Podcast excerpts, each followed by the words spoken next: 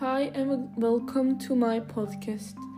Today is the theme of the podcast Wolves in Norway because it's a lot of uh, it's a lot of discussion about wolves in Norway and many people think and believe that the wolves in Norway shall be um, killed while some believe and think that they shall live um, in this podcast, uh, will I tell you um, my opinion on why wolves in Norway should live and um, not get uh, ridden off.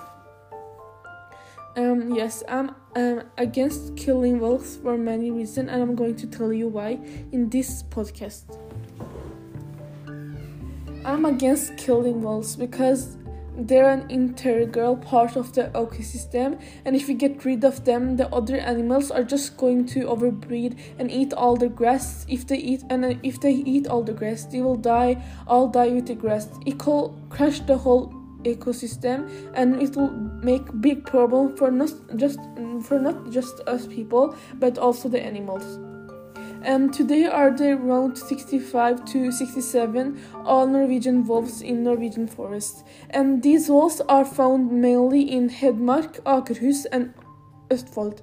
And uh, in addition, um, it's 40 and 41 wolves, and they live in border areas, partly across the border um, with Sweden. Um, the wolves in Norway are part of common Scandinavian tribe, about 380 individuals, and wolves in Norway are, are also critically endangered. Um, why I think the um, wolves in Norway shall um, shall live is because um, they preserve biological diversity as a nat- natural trader within national borders. Um, this argument is legi- legitimate because the wolves natural part of Norwegian fauna is a natural part of Norwegian fauna. Um, the wolves helps to improve the conditions for trees and shrubs and plants that will otherwise be overloaded by forestall stems of grazing animals, and these large trunks also produce deer licenses. Um, the wolf has been a part of Norway and will always be. And that, I, I think it's a it's uh, very important that they should live because um, if they don't live, it, it will the nature won't be the same and the things won't be the same. Um, wolves they have lives like just like us and we won't like if someone killed us so we shouldn't kill the kill the wolves either. Um, the wolf has been a part of norwegian nature since the ice retreated after the last ice age and um, they have been here very long.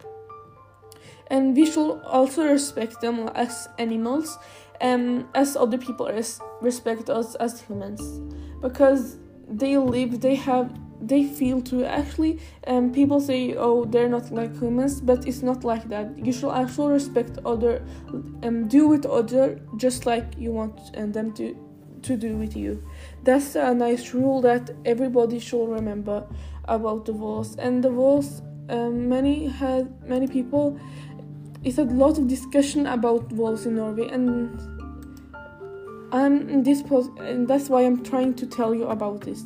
And the research from USA and Poland, among others, shows that the wolf play a key role in the ecosystem, of which part uh, of which it is a part, and that its presence benefits both species diversity and the balance between the various uh, species.